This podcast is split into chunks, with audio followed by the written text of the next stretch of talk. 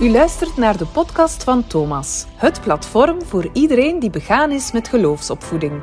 We nemen u hier 50 minuten mee in de wereld van religie en onderwijs. Hallo! Dag luisteraar, bedankt om opnieuw op ons af te stemmen en je te willen laten verrassen door het thema van deze maand. Want de podcast van Thomas zit voor jullie namelijk op een locatie die op dit moment nog niet open is voor het grote publiek. Wat een primeur hebben we. We zitten in het gloednieuw Bijbels belevingscentrum Biblia. En die is vanaf 7 oktober te vinden in het Groot Seminarie ter Duinen in Brugge aan de Potterierij. En aan mijn micro zit Emmanuel Wibo. Hallo, dag Emmanuel. Hallo, Elisabeth. U bent de kerstverse directeur van de Bijbeldienst van Bisdom Brugge en dus ook uh, vanzelfsprekend uh, directeur van Biblia. Uh, en wij gaan het hebben over de relevantie van de Bijbel vandaag en natuurlijk ook over dit fantastische nieuwe Bijbelbelevingscentrum. Emmanuel, sinds 20 juni ben je hier aan de slag, part-time. En op 18 augustus werd je dan officieel directeur. En hiervoor combineerde je dan een job als pastor in het AZ Delta in Rumbeke en een job als wetenschappelijk medewerker aan de KU Leuven. En u bent behoorlijk jong. Dat klopt, U bent 27. Wat was uw motivatie om te kandideren voor deze job als directeur bij de Bijbeldienst? van Bissenbrugge? Het was eigenlijk een uh, combinatie van zaken, ook wat uh, samenloop van toevalligheden, zoals dat gaat natuurlijk uh, in het leven. En ik was eigenlijk op zoek naar een inhoudelijke, een theologisch inhoudelijke uitdaging. je zei het al, ik werkte als wetenschappelijk medewerker. Op een bepaald moment loopt dat project in Leuven af. Oké, geen enkel probleem. Je kijkt wat ja, dichter bij huis. Je bent op zoek naar iets dichter bij huis. Van West-Vlaanderen zijnde kijk je al nou, natuurlijk snel naar het bisdom in plaats van het verre Leuven. En dan, uh, ja goed, uh, had ik dus nog een parttime uh, job in de, in de pastoraat, hè, inderdaad mm -hmm. in het mhm. ziekenhuis. Op zoek gegaan naar iets inhoudelijks, iets theologisch inhoudelijks. En eigenlijk moeten vaststellen ja, dat er geen uh, part-time inhoudelijke, uh, inhoudelijk iets op de markt was. Mm -hmm. Zal ik maar zeggen. En vandaar heb ik dan uiteindelijk toch de beslissing genomen om voltijds hier als directeur te starten en dan ja, mijn uh, activiteiten in het ziekenhuis te staken. Met pijn in het hart moet ik wel zeggen, want uiteindelijk ja, ik had het ook gestudeerd, hè, theologie gestudeerd hè, in Leuven, uh, de pastoraatsopleiding gedaan, stages gelopen in het ziekenhuis enzovoort. En wel gevoeld dat dat iets voor mij was. Ja. Maar goed, dan uiteindelijk ja, die beslissing moeten nemen naar uiteindelijk de Bijbel, pastoraat zouden we kunnen, zouden we kunnen zeggen. Ja. ja. En ga je iets meenemen van jouw job als pastor in uh, uw functie nu? Ik denk dat dat een heel mensvormend iets is, de pastoraat. Je staat er eigenlijk volledig als mens in, niet zozeer zal ik maar zeggen, als, als specialist en al zeker niet als mm -hmm. bijbelspecialist. Je staat naast de mensen, als mens, in al jouw facetten, als ja. gelovige, als burger zal ik maar zeggen. Natuurlijk ook, maar in beperkte mate als theoloog. En ik denk dat het die ervaring is om om te gaan met mensen, die ook meeneemt in de rest van je leven en ook dan een nieuwe job, uh, zoals hier nu in Biblia. Ja, 27, ik zei het al aan het begin. Uh, ik ben wel getriggerd door die leeftijd. Uh, ja. Voel jij een groeiende interesse bij jongeren? Want ik, heb, want ik geef zelf ook les. Uh -huh. uh, dat het statuut van de Bijbel toch heel wat vragen oproept bij hen. Die gaan vaak aanvoelen dat de Bijbel wel wat tegenstrijdig kan zijn, gewelddadig, vaak ook vrouwenvriendelijk en ga zo maar verder. kan je iets vertellen over de relevantie van, de maatschappelijke relevantie van de Bijbel? Ik denk dat die uh, zeer, zeer actueel is. Um, vooral hetgene wat rond de Bijbel gaat, al hetgene wat, zal maar bijna zeggen, per definitie oud is in onze samenleving, in onze cultuur, wordt echt wel tegen het licht gehouden om te kijken van, mm -hmm. oké, okay, is dit nog mee met de hedendaagse maatschappelijke evolutie? En dat is zeker en vast het geval voor, voor de Bijbel. Wanneer het dan gaat over een aantal problematische passages, ja goed, dan moeten we die benoemen, heel duidelijk. We moeten die niet uit de weg gaan, als gelovigen, als kerkgemeenschap. We moeten die heel duidelijk durven benoemen, durven zeggen, oké, deze staan erin, maar ook met, de, ja, met een correcte kritische geest.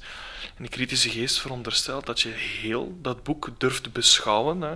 Je gaat je niet uh, vastpinnen op één zin of op enkele zinnen of op één Bijbelboek, zo wil. Je gaat de Bijbel als een geheel bekijken, maar een heel divers geheel. Ja. De Bijbel, wat dat betreft, is eigenlijk een, een, een historisch gegroeid uh, document. Het is niet ene keer geschreven, het is niet uit de lucht uh, gevallen. Nee, het is een document dat geschreven is door mensen, voor mensen. En als gelovige ja, vul ik daarop aan, onder inspiratie van de Heilige Geest. Ja. En ik denk wat dat betreft dat dat het allerbelangrijkste is. Als je kijkt naar eender welk religieus boek, het is een document geschreven door en voor mensen. En dan ga je daar ook zien dat daar bedenkelijke dingen in staan, maar ook heel wat uh, ja, tegengestelde dingen. We zien bepaalde boodschappen, op een moment inderdaad, zeer gewelddadige passages. Denken we aan de be in bezitneming van het Heilige Land bijvoorbeeld. Dan mm kunnen we daar serieus over nadenken. Denken we aan bepaalde psalmen, die zijn zeer problematisch qua, uh, qua aard. Maar dan zien we in datzelfde boek, in diezelfde Bijbel, heel wat andere dingen staan. Dingen die gaan over naaste liefde, die gaan over respect, die gaan over verbinding. Heel, heel uh, vergaande verbinding zouden we kunnen zeggen. En dat komt allemaal in die Bijbel naar voren. We dienen dan tegen het licht te houden en ook op een correcte manier uh, te, te evalueren. Ja, en dat is wat wij gaan ontdekken in Biblia, hoop ik. Absoluut, absoluut. Ja. Biblia is een belevingscentrum waarbij we een mhm. aantal zaken heel duidelijk willen beleven. We gaan het fundamenteel over de inhoud hebben van de Bijbel. Centrale figuren. We kijken naar de aartsvaders natuurlijk. Mhm. Wat komt heel centraal naar voren? Abraham, jo Jacob liever, hè? Mozes, Jezus. Heel centraal. Ook de Bijbel als tekst. De Torah, de evangeliën. We gaan ermee aan de slag. Maar dan moeten we ook heel duidelijk zeggen: oké, dit zijn niet zeggen, louter heilige geschriften in de meest letterlijke zin van het woord. Dit zijn ook geschriften die literair zijn qua aard, een culturele component hebben, ook een historische component. Mhm. En wat dat betreft moeten we ook heel duidelijk zien, ja, die Bijbel, uh, de jongste geschriften die daarin staan zijn 1900 jaar oud. Mhm. Als we kijken naar de oudste geschriften, die zijn gemakkelijk 3000 jaar oud. En zelfs de bron van heel wat verhalen, kijken we naar het scheppingsverhaal, ja, dat zou wel eens meer dan 10.000 jaar oud zijn. Dan is het ook logisch dan natuurlijk in, in, in zo'n geschrift dat daar heel wat dingen in staan waar we weinig voeling mee vinden. Maar dan denk ik is het de, eh, de taak van theologen en godsdienstleerkrachten om dat uh, tot bij de mensen te brengen. Ja, ik heb eens zitten kijken naar jouw werk aan de KU Leuven als wetenschappelijk medewerker. En ik had daar een titel gevonden die heel wat luisteraars en mezelf interesseert. Namelijk, Zin in Bijbel, welke nieuwe manieren kunnen Bijbelverhalen in de 21ste eeuw um, overbrengen? Hmm. Heb jij een antwoord gevonden op die vraag? Het was een empirisch uh, onderzoek dat eigenlijk vertrok um, vanuit drie manieren om de Bijbel aan te brengen. De Bijbel als tekst, hè, deze die in uw boekenkast zit, zeg maar. De Bijbel als beeld, hè, we hebben het dan over uh, film, series enzovoort. En de Bijbel als game. Men is daar begonnen met dat onderzoek. De verwachtingen, zeker naar de games, waren zeer hoog. Mm Je denkt, oké, het is de meest moderne manier. Mm de manier die misschien het meest kan aansluiten bij jonge mensen. Maar eigenlijk heeft men moeten vaststellen dat ook een game uiteindelijk een bepaalde verhaallijn heeft waar jij uiteindelijk ook dient in te stappen. En je beweegruimte, ja. ook in gamecontext, blijft nog altijd beperkt, mhm. ook al kun je het wel beleven. Zeker als het gaat over wat we noemen de hermeneutische ruimte. De ruimte waarin dat je kunt dialogeren met elkaar. Kritisch kunt nadenken over die Bijbel. Hetgene wat we ook in Biblia proberen te doen. Dat gaat niet zozeer, of dat lukt niet zozeer met, uh, met een game. Wat heeft men wel gezien? Toen men eigenlijk bezig was met dat onderzoek uit te voeren, dat het in de dialoog is van mensen met elkaar. Heel simpel, wanneer dat je samen aan tafel zit, een koffie drinkt of wat dan ook drinkt, en je babbelt daarover, fundamenteel, over de inhoud, dat is hetgene dat mensen het meest impact uh, laat ervaren. Dat is hetgene dat ook mensen kan laten groeien in een, een houding tot, tot, uh, tot de Bijbel.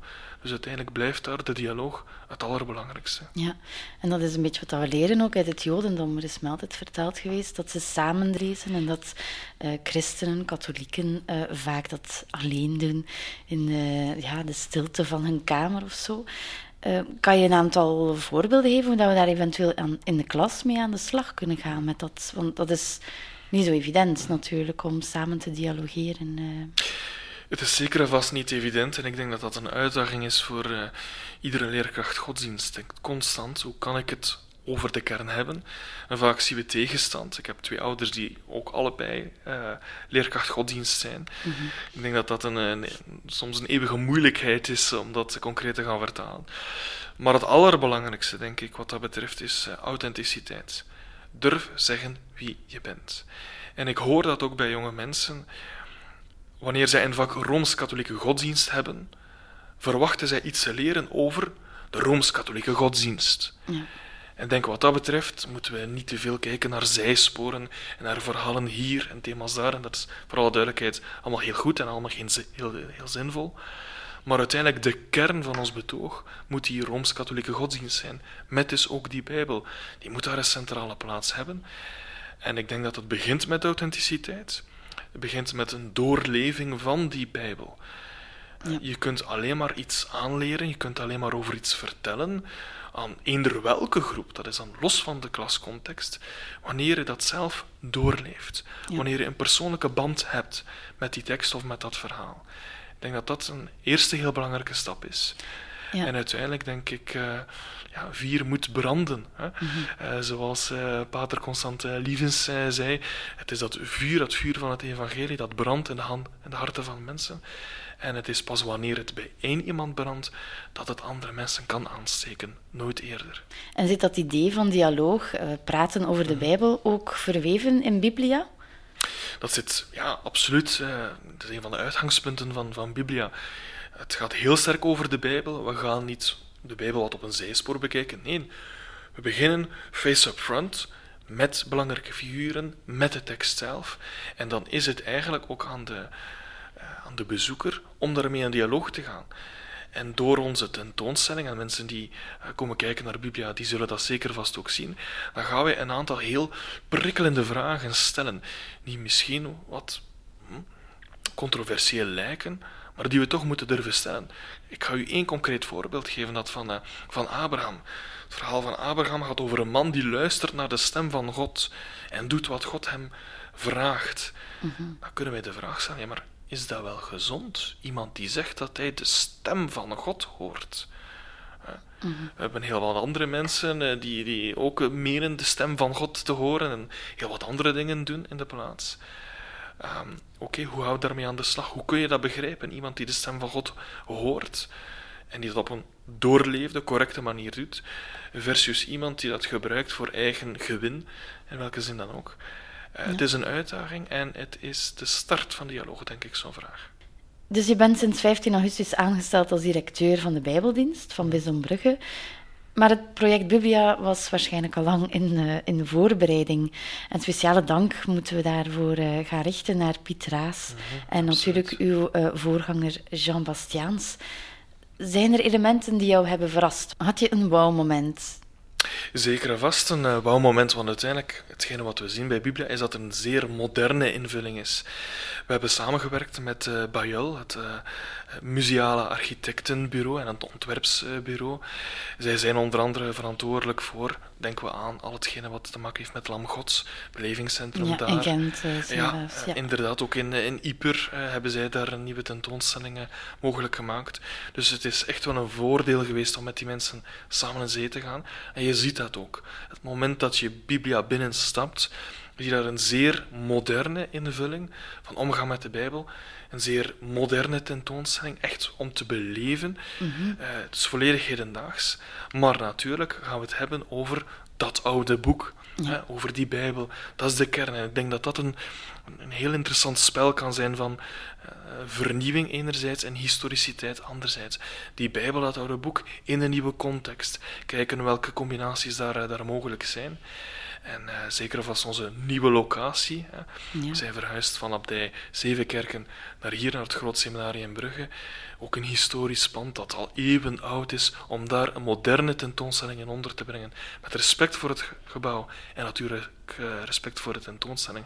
Dat is uh, een heel moeilijke balanceeroefening geweest, maar dat komt er, uh, komt er heel mooi uit. Ja, het is altijd leuk om hier te zijn, omdat er inderdaad zo'n geschiedenis aan dit gebouw hangt. Maar dus bij de ontwikkeling, hoe beginnen we daaraan, aan het herdenken van een Vlaams Bijbels belevingscentrum? We hebben het zo lang gekend in Zevenkerken en dan gaan we nu naar het Groot Seminarie. Om de geschiedenis van het denkproces te kennen, denk ik, is het belangrijk om uh, zeker naar Jean Bastiaan ook zelf even uh, te kijken. En ja, Jean is natuurlijk een exegeet, hij is een bijbelwetenschapper uh, puur sang, um, is ook geworteld in die Joodse rabbijnse traditie, die, die, die studietraditie. en dat, dat zie je ook in die tentoonstelling. Het gaat heel ook fundamenteel over de verhouding tussen de verschillende leesbeschouwingen. In eerste instantie tussen Joden en christenen, hè, verhouding Torah, Evangelie, Eerste, Tweede, Oude, Nieuwe Testament enzovoort, maar natuurlijk ook over eh, de moslims. Oké, mhm. hoe begrijpen wij en hoe verstaan wij alle drie die figuur van Abraham? We zeggen dan we zeggen dat dat een gemeenschappelijke aartsvader is, maar wat betekent dat precies? Uh, verschillende namen ook. Hè? Ibrahim, Abraham, Avraham enzovoort. Verschillende namen, verschillende ideeën ook. Hè? Mhm. Dat willen we uit, uh, uitpluizen. Um, maar ja, zeker inderdaad. Het is een heel lang proces geweest voor Biblia, dat nu tot uh, ontsluiting komt. Uh, Een hele nieuwe insteek, maar ik denk een hele vernieuwende insteek ook. Zijn er educatieve pakketten gemaakt bij Biblia? Om te gebruiken in ja, verschillende klasgroepen? Absoluut, hè. die zijn nog in een volle opbouw. Eh, de tentoonstelling, zoals je zei, is of er wordt nog een laatste hand aan, uh, aan gelegd. En het is eigenlijk aan de hand van die tentoonstelling dat we op, opnieuw educatieve pa uh, pakketten zullen maken. Inderdaad, mm -hmm. mensen gaan hier niet zomaar een beetje of zeker klasgroepen, niet zomaar een beetje rondlopen en een beetje kijken. Nee, heel concreet, heel inhoudelijk willen we groepen iets aanbieden, mhm. dat ze er ook iets van uh, kunnen, uh, kunnen opsteken. Niet zomaar een beetje doorlopen, maar concreet mee aan de slag gaan. Dat is zeker vast de bedoeling.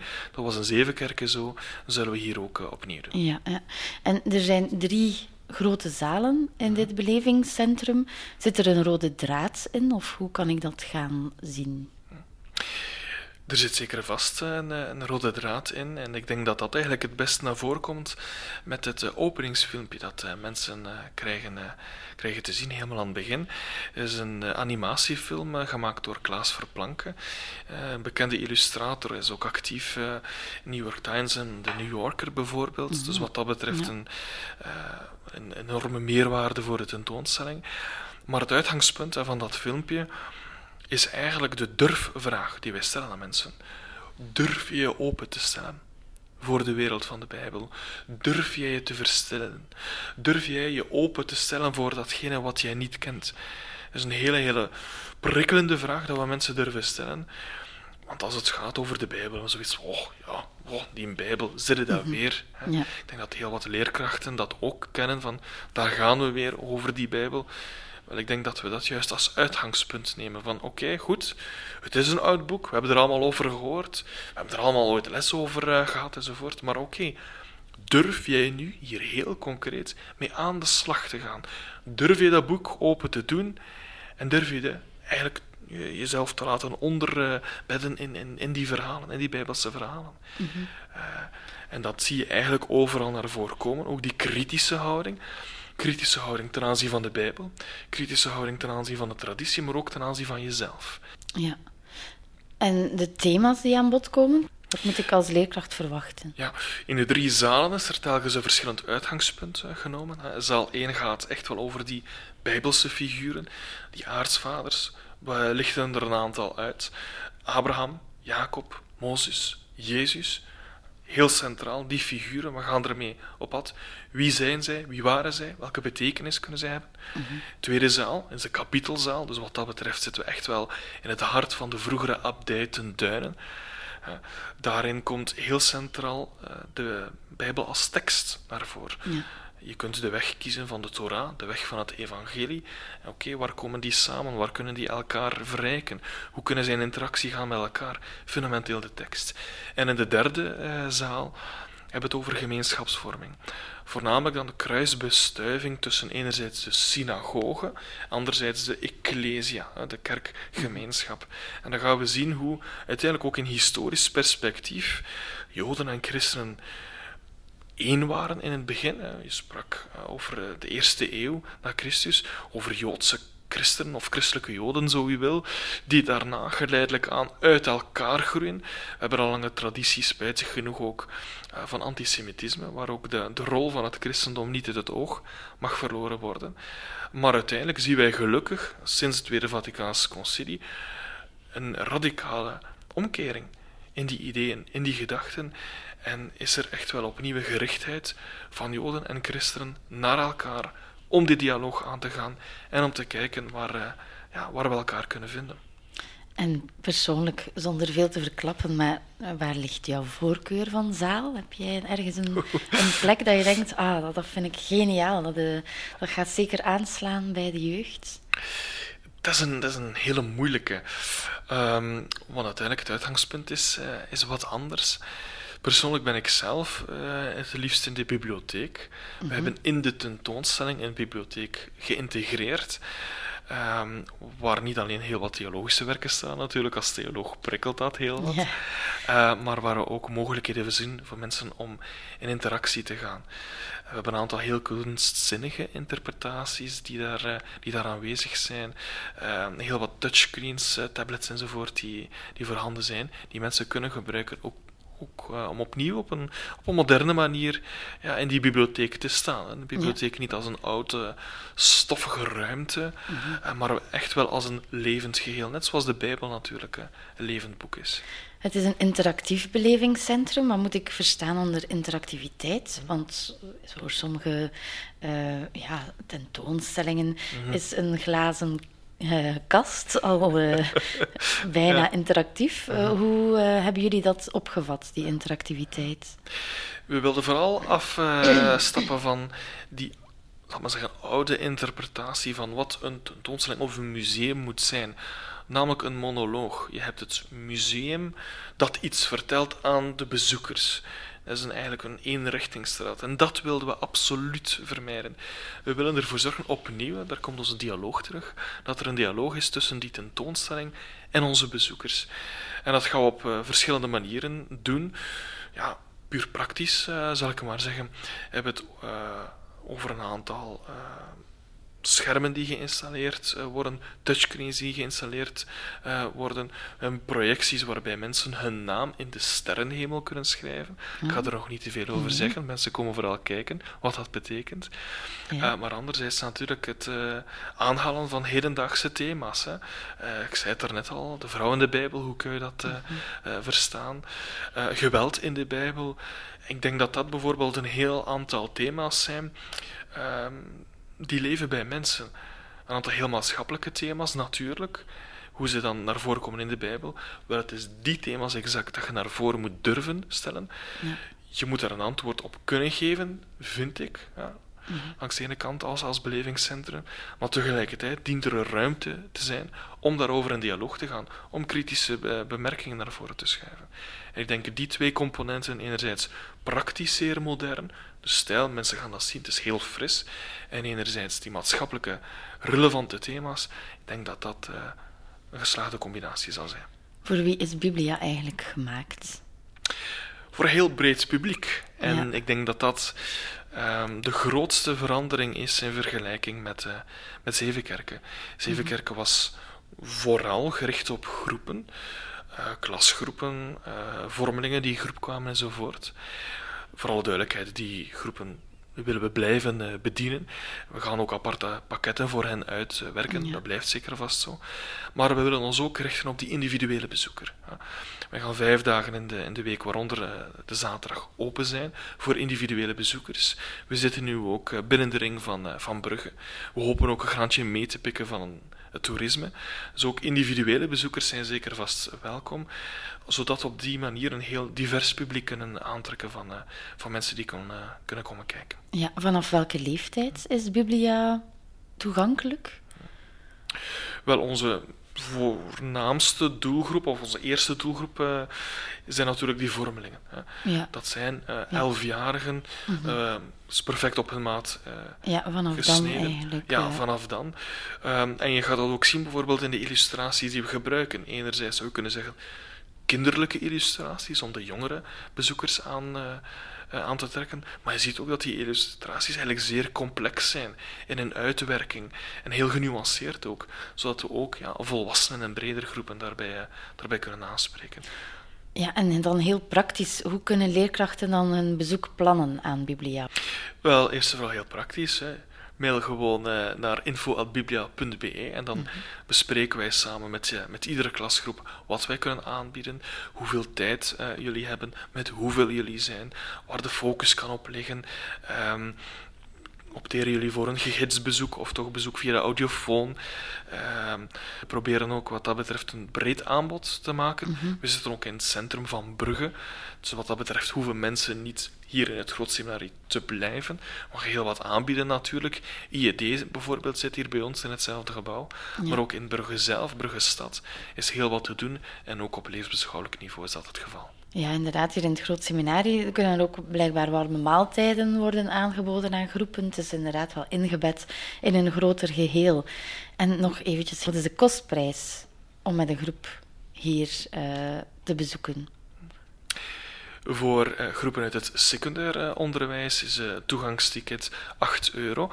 we voorzien ook dat leerkrachten aan hetzelfde tarief binnenkomen als hun leerlingen. Mm -hmm. Diezelfde 8 euro. Um, leerkrachten uit het basisonderwijs die met een groep komen, die betalen 5 euro. Net zoals als vormelingen komt u individueel op bezoek, en dat geldt ook voor toeristen, mensen van buitenaf, daar is een standaardprijs van 12 voorzien.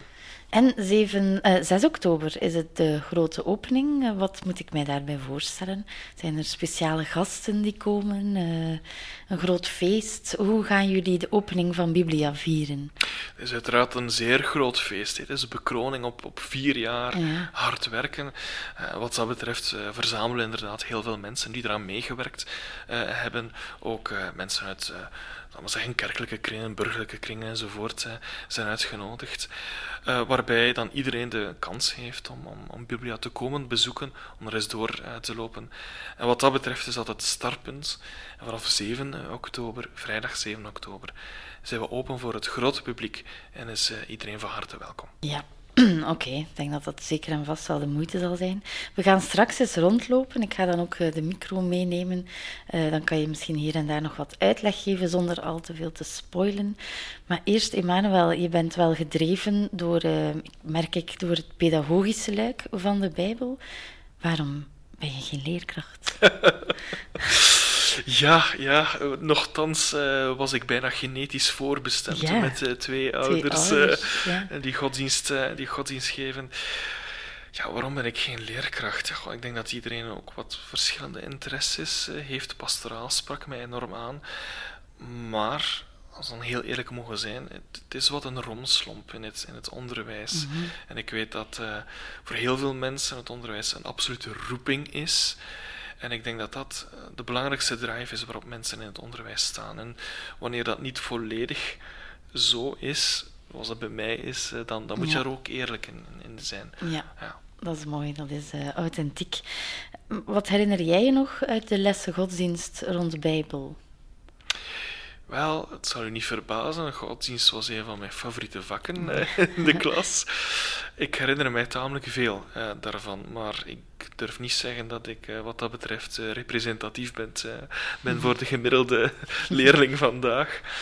Um, nee, maar ik herinner me dat heel, heel wat inhoud naar, naar voren kwam. Um, kritische tekstlezing, echt dat fundamenteel ging over uh, verhalen. De bronnentheorie bijvoorbeeld enzovoort. Ja. Dat zijn dingen die ik toen al opgepikt had, die werden gegeven in het secundair. En op die manier kon ik mij iets inbeelden bij wat een studie theologie ging zijn. Dus wat dat betreft stond dat nogmaals aan dat te durven spreken over de inhoud echt wel heel belangrijk is.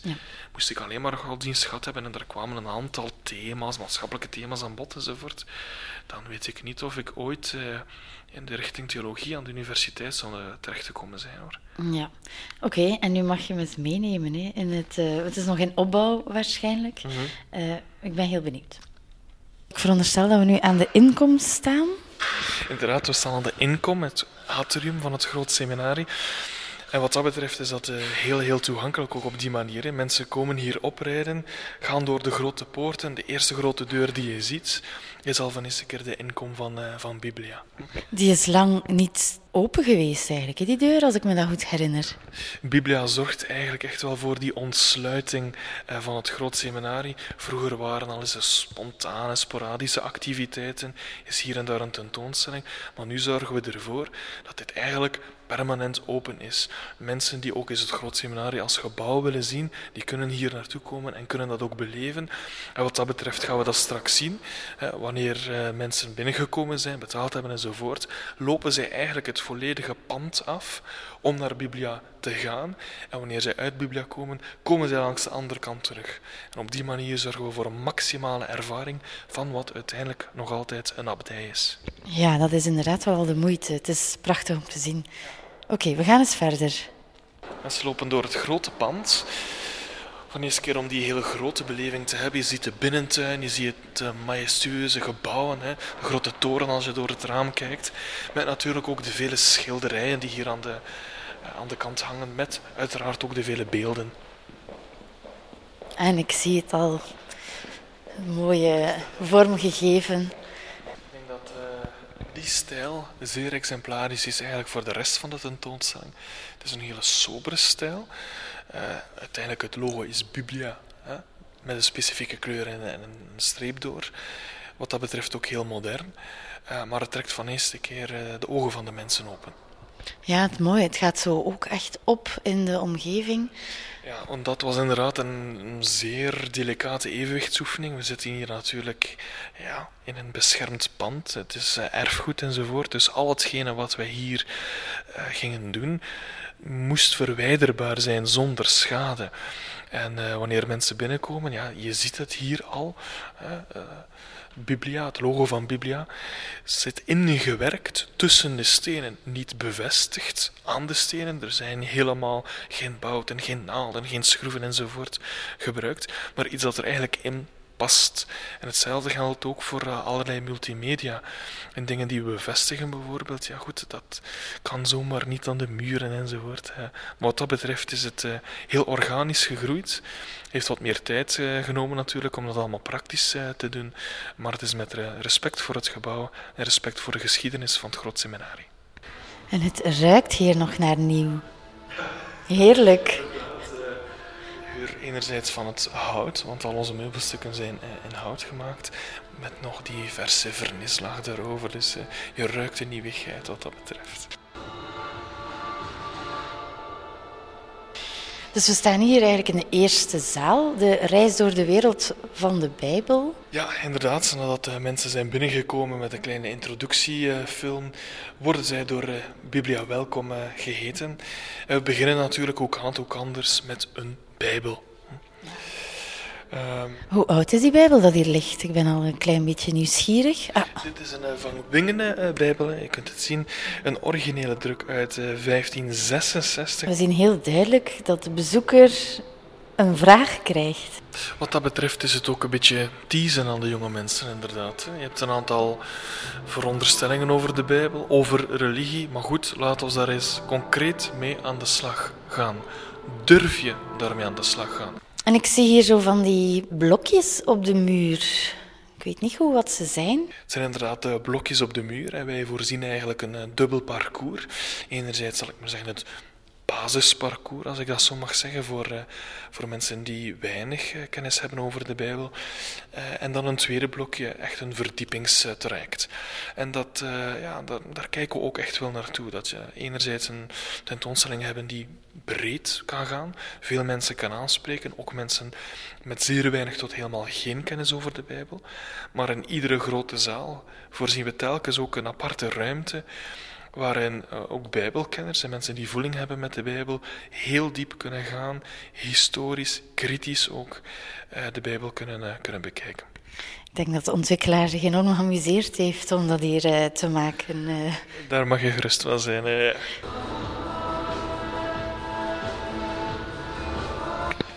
We beginnen dus met vier zuilen van de belangrijkste personen. Jezus krijgt een speciale zuil in het glas. Natuurlijk ook voor christenen is Jezus niet zomaar een profeet, maar hij is een bijzondere figuur.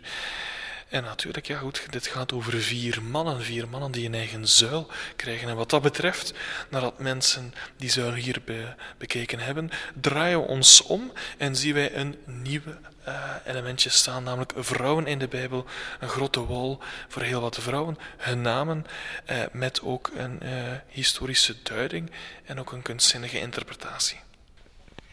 Ja, ik zie hier inderdaad wel echt diepgaande informatie. Ja, en wat dat betreft is het, is het, is het heel, heel belangrijk. Ik was uh, afgelopen zomer op, uh, op vakantie in Limburg bijvoorbeeld en daar heb ik uh, ook een belevingscentrum bezocht. Ik ga geen namen noemen, maar dat was dan meer beleving, waar je eigenlijk zeer weinig uh, leerde, waar je buiten kwam, zeker als volwassene, met het gevoel van oké, ik weet eigenlijk niet waarover dit gaat, ik heb te weinig kennis opgedaan. Dat zal hier zeker en vast niet het geval zijn. We gaan in op die inhoud, maar altijd dat aspect beleving uh, ja, heel duidelijk voor onze, voor onze ogen houden. Ja, de eerste ruimte vertelt echt wel over de geschiedenis en uh, ja, die aartsvader, hè, zoals je inderdaad verteld hebt.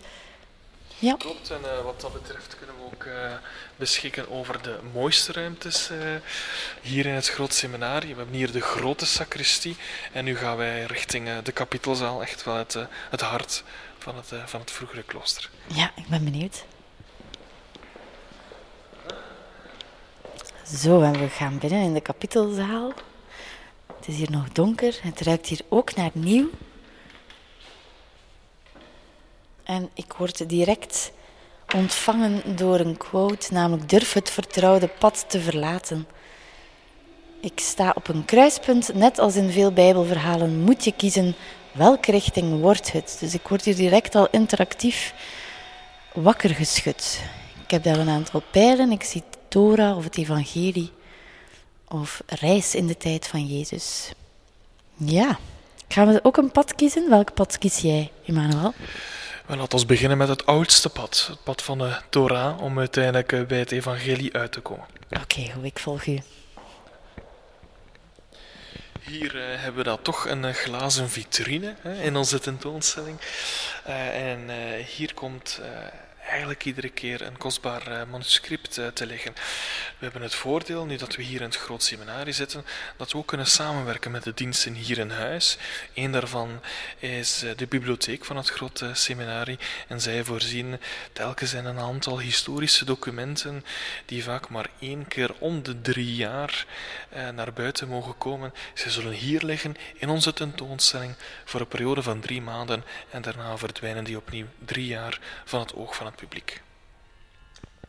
Ja, en ik zie inderdaad uh, die interactiviteit, de touchscreen dat roept om uh, hem aan te raken. Kijk, ik ga dat even doen. Voilà. Ah ja, kijk. Uh. Wat dat betreft leent het zich ook perfect tot, tot een didactisch en pedagogisch werkinstrument natuurlijk. Je hebt hier een scherm met heel wat vragen, recht voor de rapen. Wie zijn de vier evangelisten? Waar en wanneer schrijven ze? Uh, welk publiek willen de evangelisten bereiken? Heel concrete vragen die het echt wel ervoor zorgen dat je een groep makkelijk kunt, kunt meekrijgen in een, eh, in een breed verhaal van de Bijbel. Ja, en door die concrete vragen leren leerlingen ook uh, eigenlijk echt de essentie van uh, de evangelieteksten. Hè.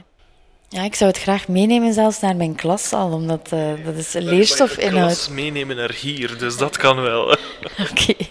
ja, ik ga dat zeker wel eens doen derde en laatste zaal is de spreekkamer van de prior. Ik vind het uh, heel erg mooi dat de laatste zaal dan ook gericht is op de interlevensbeschouwelijke dialoog. Um, dat zorgt voor verbondenheid. Ja, absoluut. En wat dat betreft uh, mogen wij iedere uh, religie zeker en vast vast benoemen en ook kijken waar er mogelijkheden zijn tot, tot dialoog.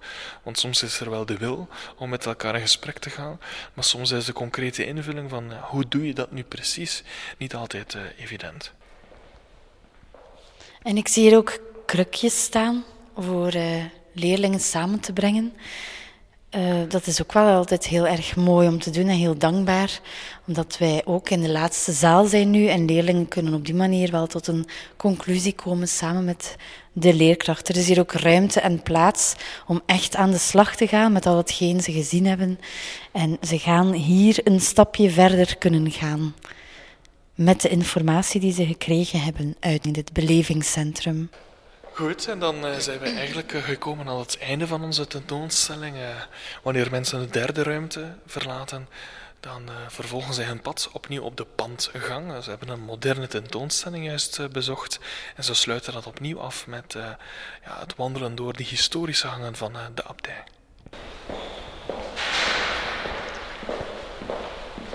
Gelukkig staan er pijltjes, want je kan hier, hier toch wel uh, ja, je kan hier toch wel verloren lopen. Ja, zeker vast. En ik herinner mij uh, mijn eerste weken hier in het grote gebouw, uh, waar ik op een bepaald moment moeite had om mezelf te oriënteren, niet wist waar Biblia lag en waar de gang naar mijn bureau was. Dus wat dat betreft zullen we de mensen zeker goed begeleiden. Ja, het lijkt een nachtmerrie dan. Kijk, ik ga je moeten volgen, want ik weet het totaal niet meer. Zo, we hebben het Bijbels Belevingscentrum doorlopen. Echt, uh, ik ben erg onder de indruk.